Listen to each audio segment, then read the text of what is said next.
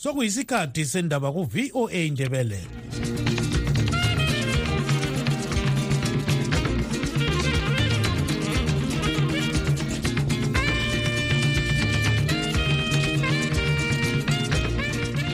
lami ngibonge uthando nogawande obesipha indaba ngolimi lwesishona. Lingalivuka njani izulu kandaba ulamukela emsakazweni westudio 7 ngolwesihlanu mhla ziku-1 mphalakazi 2023 nguchris gande. Endabeni zethu lamhlanje umphathi ntambo wezemali umnumzana mthuli ncube izolo wethule uluhlu lwendleko zikahulumende ibhajethi yomnyaka ozayo esolwe ngabaningi se-charge um ezimota lezi ezima-high value eh, cars imoto ezinkulu.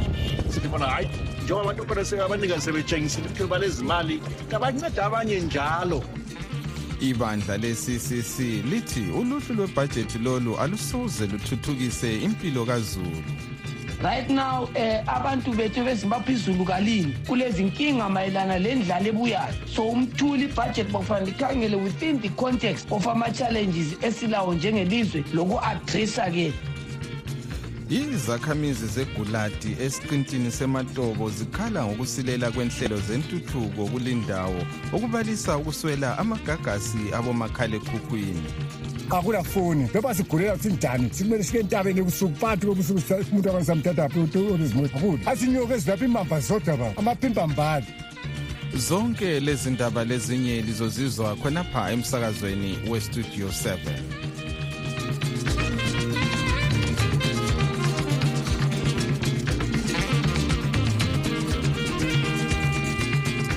umphathintambo wezemali umnumzana mthuli ncube izolo wethule uluhlu lwendleko zikahulumende ibhajethi eyomnyaka ozayo esolwe ngabaningi uncube uthe ukukhweza imithelo yabathiwa balemali eningi akwenzileyo kuzabangela ukuba uhulumende athole imali yokwakha imigwaqo lezinye inhlelo ezithuthukisa impilo kazulu.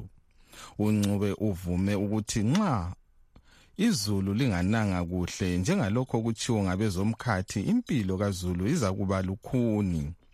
Ake sizwe uncube exoxa lentatheli zindaba estudio 7 umlondolozi ndlovu izolo eseharare ngemva kokwethula ibhajethi yakhe edale lephalamende. Imali yakhona iyavela ngapha. Kayivele khonapho kulaba abangcono kulabanye. Angithi eh amanye ama-tax aliwafakileyo um kulaba abantu asingathi balemali angani balemali mbijana yiwaphi? Hayi i-wealth tax njalo i-surcharge eh ezimota lezi ezima-high value eh, cars imoto ezinkulu. Sithi khona hhayi njengoba abantu khona abanikazi sebetshengisile ukuthi balezi mali kabanceda abanye njalo babhadale okuthe thuthu ukuthi thathe i-surcharge lena sifake kwezinye indawo lo-ke ngumphathi ntambo wezemali umnumzana mthuli ncube lokhu sikudaba lunye ibandla le-ccc lithi uluhlu lwebhajethi lolu alusoze luthuthukise impilo kazulu. Leli bandla lithi lizethula ngokujulileyo lamuhla imbono yalo ngebhajethi le. Ake sizwe amazwi omsekeli wesikhulumeli sebandla le-ccc umnumzana gift ostalos siziba. Ngiyabonga kakhulu. Ye siza-adressa-ke imidiya mayelana-ke le budget ephume namhlanje to give our response e-comprehensive. Eh sikhuluma ngolokho ebesikukhangelela ukubana kuphume kubudget njalo lolokho sibona ngani kufanele kulungiswe okuhlanganisela ungakhangela indaba ye-overtaxation. Izimbabwe kathesi is one of the overtaxed countries um uh, phezu kwe-two percent tax. Umthuli ncube the minister of finance useproposa njalo ukubana kube le wealth task um uh, tax le ezabe ithatha imali kubantu bonke ke aba-ona izindlu. Esiyinto esibona ngani-ke iyinkinga. Ungakhangela indaba kokufinyisa kwentengo kwemali zoku-aplya ama-passport. Le mali-ke kuma-tollgates imoto encane yayibhadala two dollars ku-tollgate. Kathesi-ke sokufanele ibhadale five dollars. So that review which is more than 150 percent iyinkinga ngenxa yokuthi ungakhangela ukuthi izimbabwe kade si-centralize into eziningi zitholakala eharare. So ungafuna ukusuka egwanda nje usiyafika eharare kufanele ube le budget yama-toget 30 us dollars. So konke lokhu-ke kuyinto esibona ngani-ke kuyinkinga ngenxa yokuthi we have to look at the context yemumo wesimo sethu somkhonomi wethu. Eh indaba yesikwerede selizwe sibona ngani ke ngezi izinto bafanele zikhangele kube le solution engcono hayi khona isolution yokuthi ke sibe silokhe sithatha imali kuma-taxpayers. Eh ikakhulu indaba yesikwerede sethu esavela sona ngesikhathi sakomgabela lesi esinye esayinheritwa yizimbabwe-ke after independence. So konke lokhu ngezinto esiza kukhipha esibona ngani bokufanele kulungisiswe njalo kulezinto eziningi ezitshiweyo ku-budget statement esizazikhuluma ukubana siyazisuzulu mayelana lalokhu esibona ngani kufanele kulungisiswe ngendlela-ke ibudget indaba ye-currency is another issue. Microeconomic framework yenye indaba esifuna ngani kufanele ikhangelwe ukubana umkhonomi wethu stabilize. Le ndaba yokubana intengo zingayi phezulu ngenxa yokuthi lizabona ukubana irate kusasa izabe iyinkinga lizabona ukubana izinto ziyaqasa ukuswelakala.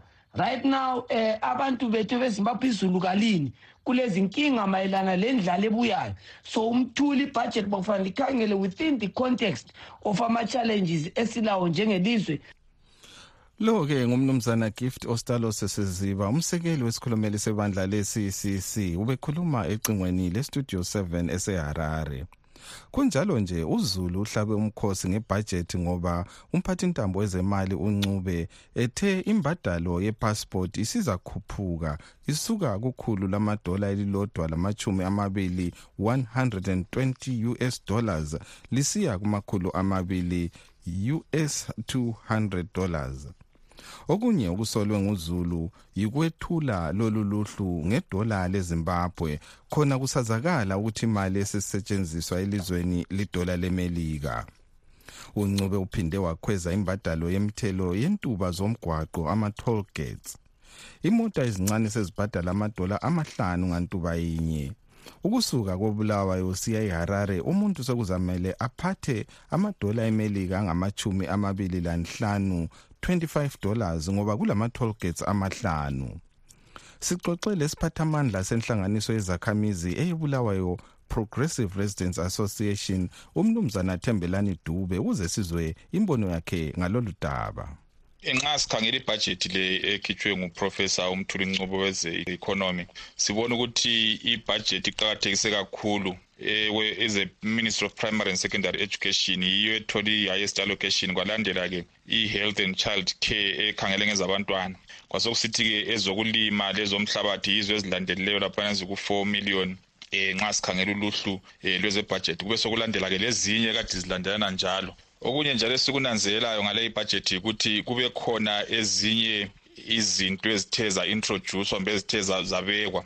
Uzananzela ukuthi umuntu olendlu ele-value ye-more than um, 100,000 kade sizathexwa i-1 percent okuthiwa izancedisa ukuthuthukisa eh, infrastructure emadolobheni. Kube sokusithi izisebenzi zikahulumende lazo imali yazo lezangathi ziyithole ngeye-covid isiza-transferwa kumbe singathi sizaguqulwa ibe yi-salary. So ngezinye izinto ezithe zaba khona laphana kube sokusithi kama-toll gates asezakhwela imithelo yakhona laphana isuka kibo-two dollars isiya kibo-four kubo-five dollars kusiya ngokuthi imoto inganani iyafika la kuma-ten dollars. So ngezinye inguquko ezithe zaba khona le mali yama-passport izakhwela iye phezulu kwesosithi lale imali yokurejista izimota nxa utshintsha imota mbe imota yakho nxa yintsha um ecvr laphana kuzakhwela kusukisela mhla ka-one january. So ngokunye okuthe kwaba khona um kubhajethi epresentiweyo manje nxa ukhangele ibhajethi le ikakhulu indleko zakhona ukuthi siyabona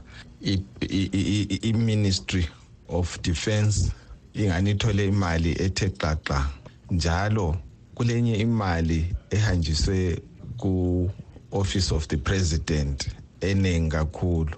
Ubona ungani kwabiwe kahle yini ikakhulu nxa sikhangela ama-ministries kumbe ingatsha zikahulumende ezimele zithole imali zona zikhanya zingayitholanga kahle.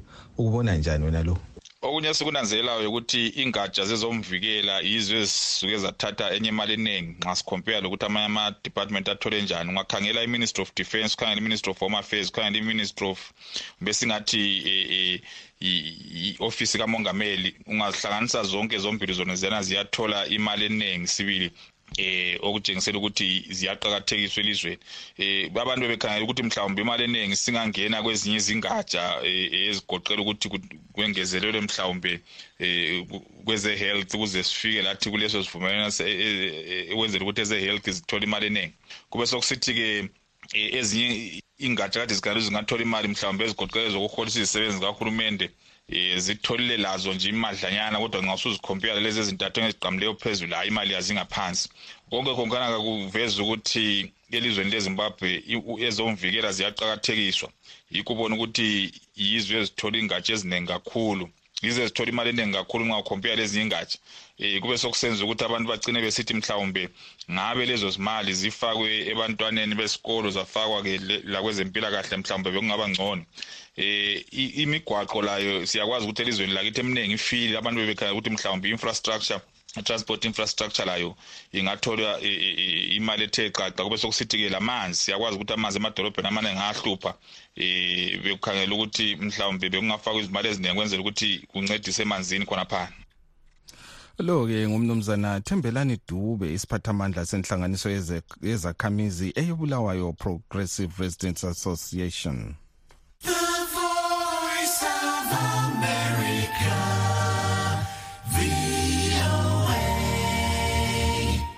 Izakhamizi zeguladi esiqintini sematobo zikhala ngokusilela kwenhlelo zentuthuko kulindawo. Zithi imigwaqo efileyo yenza ukuthi kungabi lamabhasi lezimota ezithwala uzulu. Zithi njalo ukuze zikhulumisane lezihlobo labangani ngabomakhala ekhukhwini ama-cellphone kumele zikhwele intaba kumbe ziye lapho okuphakeme khona zidinga amagagasi. uEzra Chisas Banda westudio 7 usethulela lolu daba ngokugcweleyo esematobo abahlali balindawo bathi intuthuko bayizwa ngelikabathi ikhulunywa kwezinye indawo. Isekamizi umnumzana j mkandla uthe gulathi akulalutho. Akudevelophi so ngoba asithi kalesi imigwaqo ifile iyafuna ukuthi ilungiswe. So ngezandla siyakuzama kodwa kuyasikhulela ngoba kuyabe kufuna ukuthi vele kulezikhalipho okumele zivele zilungise imigwaqo kodwa konke akasidibani lakho. Imifula engelamabholoko yenza ukuthi izakhamizi zehluleke ukuchapha nxa igcwele. Ibrede komabikwe mabikwe. So akucapheki la. Lalokho kungale kozonto kuyakufanana lakhona cela uncedo lisincedisa bakithi. Silalutho la akula foni njengoba sigulela sinjani simele sike entabeni ebusuku phakathi kobusuku umuntu akwanisa mthathaphi olizimota akula asinyoka ezilapha imamba zodwa baba amaphimbambali olunye udubo luhlupha kakhulu kulesi sigaba ukuthi amagagasi abomakhalekhukhwini awabambi kuhle. Okwenza ukuthi izakhamizi zehluleke ukuxhumana lezihlobo labangani abakwezinye indawo ngitho lasenkundleni ezisetshenziswa ngabaningi ezifana le-whatsapp izakhamizi zithi ukuze zisebenzise omakhalekhukhwini kwesinye isikhathi kumele ziqanse intaba zidinga amagagasi khona ezithi kuzifaka engozini yokulunywa zinyoka. Nanga ngumnumzana elvis moyo. Nxa sokule monakalo eyabe isikhona ezigabeni siyehluleke ukuthi sithintane. Just because ngoba sila network ukuze ube le-network sokumele ukhwela intaba ukuze uyethola inetwork. Then eminye ezinye eminye information siyithole sivela outside the country. Ngoba labantu abanye babe besitshela ukuthi ah kathi sesizwe ngapho sokuthiwa sokuthe kodwa thina sabe singakwazi. Just because ngoba asila network. Esinye njalo sekamizi umnumzana jerry sikhosana uthi sebakhalaza bakhalaza kumakampani abomakhalekhukhwini kodwa lanamhlanje akula lutho osoluguqukile ngenxa silandelela basitshela bona ukuthi ama-subscribers malutshwane ngoba thina sifaka ama-address etown asifakawa la. So bese bebona ngani babe bedlalisa imali yabo uzofaka ibooster kit lapho-ke siyacela kulandelelwe sibili ngoba yikho kusihluphayo singaze sitshiye kunjalo nxa wazange kubatshela ukuthi hhayi thina sibanenge sesizamele ukuthi i-information le physical sibe layo. Sizama ukudinga ama-subscribers siwa over 9000 abantu abalapho abasebenzisa amafoni. Ephendula imibuzo yestudio 7 phezu kwesimo semgwaqo. Umgcidlalo wekhansila ematopo njalo engumkhansila kawa 22 umnumzana tobias banda uthe umasipala wenza konke okusemandleni akhe ngaso sonke isikhathi. Imigwaqo yethu phose yonke ifile imigwaqo yethu yonke. Siyazama njengekhansili ukuthi imigwaqo siyilungise njengobani uyakwazi eminye imigwaqo ngeministry eminye nge-roads eminye ngeyani. Kodwa phose le eyethu ekhansili siyazama. Istudio 7 xhumane njalo lo manjinela omkhulu wenkampani yamakhalekhukhwini yenet one umnumzana christopher mutshetshe-mera. Yena othembise ukuthi bazazama ngazo zonke indlela ukuthi amagagasi atholakala egulathi ukuze abantu benelise ukuxhumana lehlobo labangani kalula futhi benelise ukulandela izindaba ezenzakalayo elizweni laphandle ebulenjini be-internet. Ngizaba lequla lami likhangele indawo le ngibone kulemizamo bani eyenziwayo kulindawo ngoba sisebenze endaweni eziningi zemaphandleni ngizacela iqula lami eliyabe lisemathebheleland abe iconet labo bathembise okufanayo nangumanjinela walikhampani umnumzana thawona jakachira Let me fix that one for you. Uh, I will fix it for you, uh, definitely, but. I look up with my planners and see how quickly we can get the network up there. izakhamizi zithi imatobho ngesinye seziqinti esabelweni semandebeleni ezisale emuva kakhulu kunhlelo zentuthuko ngihimele studio 7 ngisegulathi amatobho mathebeleni south province. Igama lami ngeze jesus banda.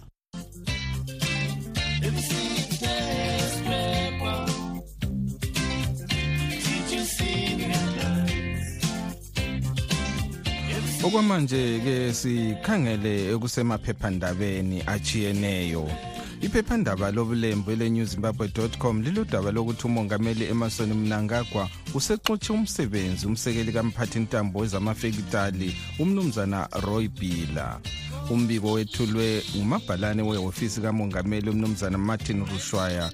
Kawethulanga izizathu zokuxotshwa kukabhila kutsho leli phephandaba.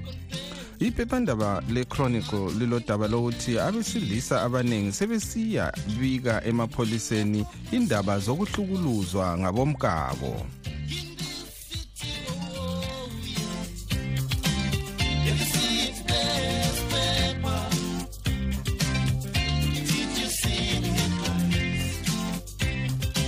le balaleli istudio 7 esakaza ezimbabwe lisizwa siphuma ngapha e-voice of america ese-washington dc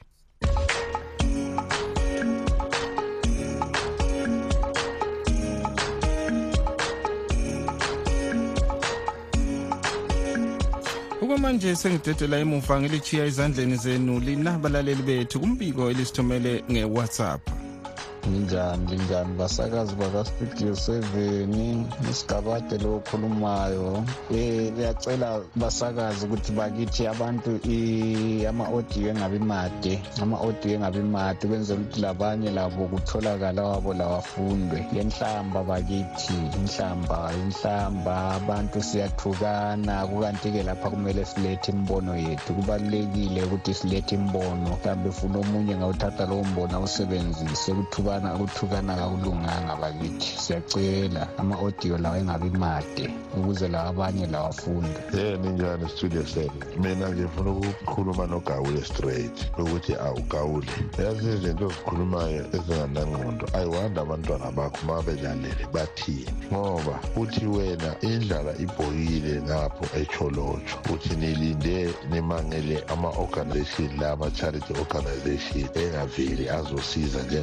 njengaseminyakeni uyakhohlwa futhi gawule ukuthi angithi yini benipasisa lo mthetho ukuthi kuthiwa awasafuneki ama-non-governmental organization. Angithi izani utshilo kanjani umnangagwa utshile ukuthi angasawaphi lama-organization kufuze angasavunyelwa kupasisa umthetho ukuthi angasavunyelwa. Awuzizwa ma ukhuluma nje utshuthi okunye nimane ukhulume nje or usuke usetshwaleni or usuke angazi ukuthi usuke ukuphi ukhuluma lezo zinto uhluleke ukusebenzisa ingqondo nje ukuthi ucabanga ukuthi konje isimo nina abantu bezalo nisibeke kuphi singamazimbabweni uthi wena ama-charity organization ama-non-governmental organization nipasise umthetho labo ukuthi anisawafuni. Kufuze avalwa bhenwe abotshwe ama-non-governmental organization. Ukhuluma ngamaphi manje ofuna azolisisa ezweni lethu kubulawelana abantu kanti bayenzeni abantu bebulawa. Zolo lokhu bekubulawa abantu. Namhlanje futhi abantu. 1980 kubulawa abantu.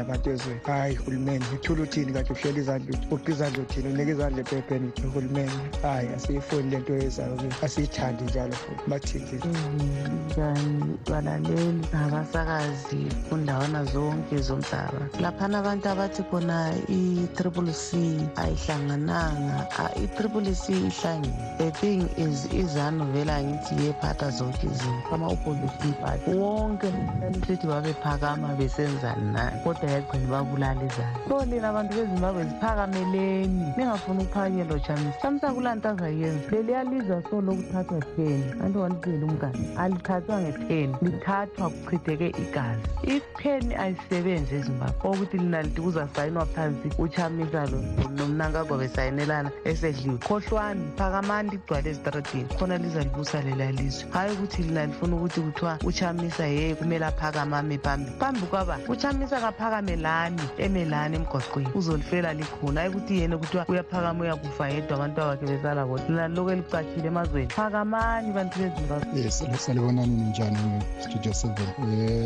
Um ama-candidate la e-triple c ma kube kuwukuthi kangenanga. Kungangcono ukuthi abantu bengavoti total vele abantu bengavoti ngoba le nto kayisisindawo ayisisebenzeli lakancane kuvele nje akukho lapho esingaya khona ngezanu p f. Izanu p f ngeke apha sayikhipha lapho ngoba izanu p f ivele lenkani bazifaka bona embusweni. So ngeke uphikisane labantu abazifakayo futhi abalezikhali abazivikelayo bona wena uphethe izandla akulanto engaqonda mazimbabwe. mazimbabwe lina ngima-amakhansidenti la e-triple c bengafakanga kungangcono ukuthi abantu vele bengavoteli izanu-p f totally totally because lapho akulanto esincedisa lapho ayikho into ezosincedisa lapho i-united nation nje iyedingakala ukuthi ingenele kuphela ngaphandle kokuthi kungenele i-united nation akulanto engasincedisa lapho. Kudingakala nje i-united nation lapho kube yiyezongenisa lapho. Kube vele ngabe kuyenzeka bayabe bele-power enkulu mpela kube babangenelayo kakhulu um kube abangenela abavotisayo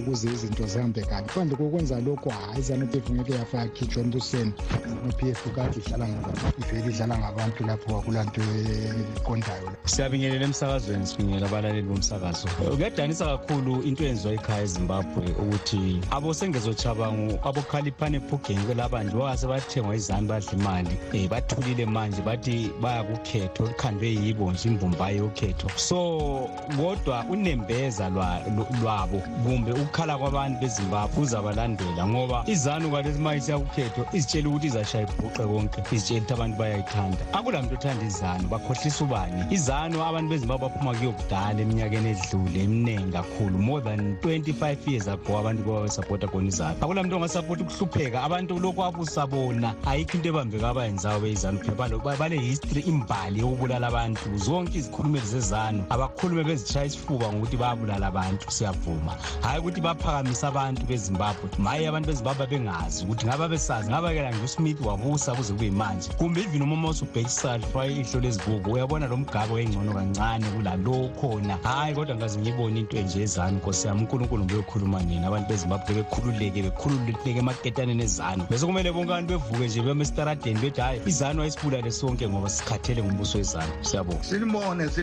Ngegqumgqumgqumgqum kuyashelela. Iya ngibingelele emsakazweni bantu bakwethu um singabantu bakulelazwe sanebhadi lokuthi um ibhadi esaba nalo yilo lokuthi sithole abantu abathi bangabaholi. Um kodwa bengogombela kwesakhe. Ilona bhadi esaba nalo ngoba wonke umuntu ongena esiba yi-opposition um ufuna ukugombela kwesakhe. Ufuna ukudlela esikhwameni ingakho ubona kuney'ngxoshongxosho ezinje. Yingoba la besithi ngabakhokheli um abanandaba nabantu kodwa banendaba nento esuthi sabona ney'ngane zabo. Abanendaba nokuthi izakhamizi noma abantwana basezimbabwe baphila njani. Ezilo ngibona into zabo zibahambela kahle okuningi lokuningi lokhu abanandaba nakho. Ngikusho lokhu ngoba um adlulile ama-election manje bebekhuluma bekhuluma bekhuluma. Manje bathule abasena-plan bashiya abantu ehlathini. Um ngizibuza ukuthi um upresident lo othi um ubezoyikhipha izanu simthembe kangaka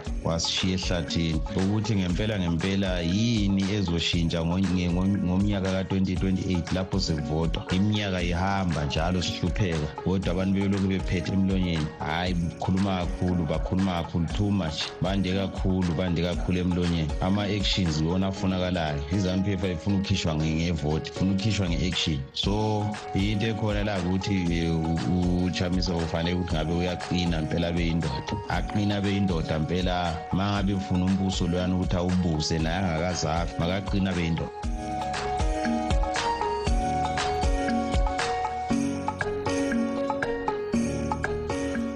ke bekungamazwi enu lina abalaleli bethu elisithumele nge-whatsapp kunombolo zethu ezithi plus 1202 465 0318 ke sizwe udaba oluveza imbono kahulumende welemelika.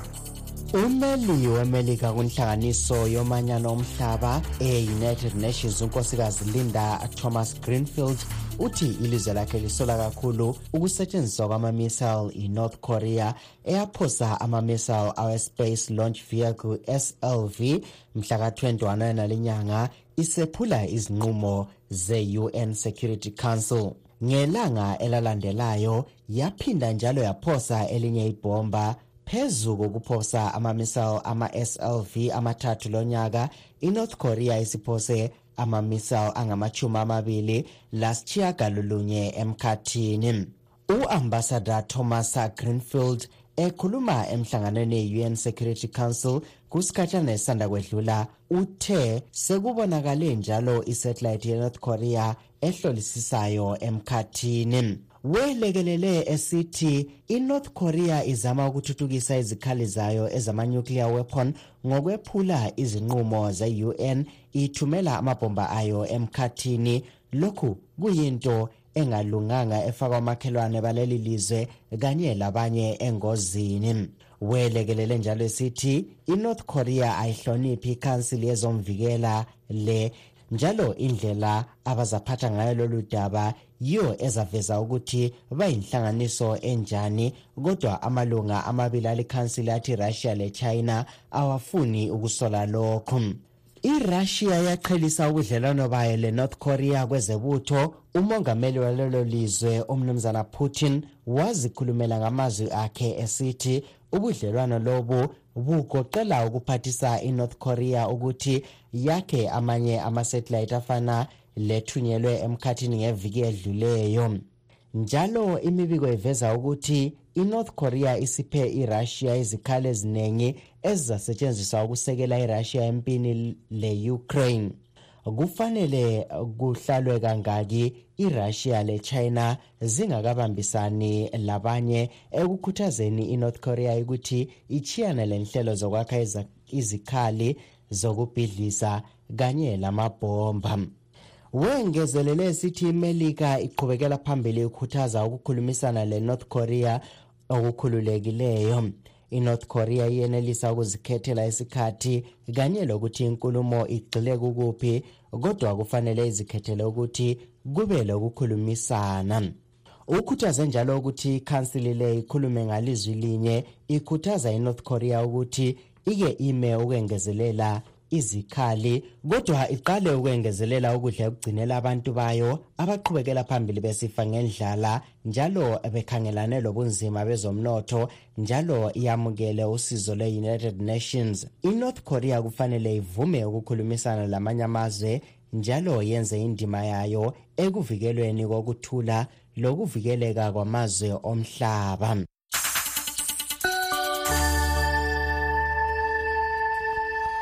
Lolo ke bekuludaba oluveza imbono kahulumende welemelika. Ngesikhathi senguquko kungacaci kahle okwenzakala emhlabeni. Esikuzwayo kungayisikho esikubonayo. Sidinga iqiniso. Sitshelwa izindaba ezingaphelelanga silahlekelwe liqiniso. Ngesikhathi sohlupho amaphupho ethu ithemba lezifiso zekusasa enhle kwenzakala uma abezindaba bekhululekile. Umsakazo we-voice of america silethulela izindaba ezitholwa ngokuzinikela okuphezulu. Sixhumanisa abantu ngokubethulela iqiniso. Kumsakazo we-voice of america silethulela okwenzakalayo njengoba kunjalo. Singakehlukani ke sikhangele ezinye zenhloko zendaba ebesilazo kuhlelo lwethu lwalamhlanje ibandla le-ccc lithi uluhlu lwebhajethi olwethulwe izolo alusoze luthuthukise impilo kazulu. Umanisipala ngiyaxolisa izakhamizi zegulatini esiqintini semadobo zikhala ngokusilela kwenhlelo zentuthuko kulindawo ukubalisa ukuswela amagagasi encingo. Silugqiba-ke lapha uhlelo lwamhlanje asidibaneni njalo ngomvulo ekuseni isikhathi sinye kodwa silazo-ke nsuku zonke ngo-half past 7 igama nguchris gande.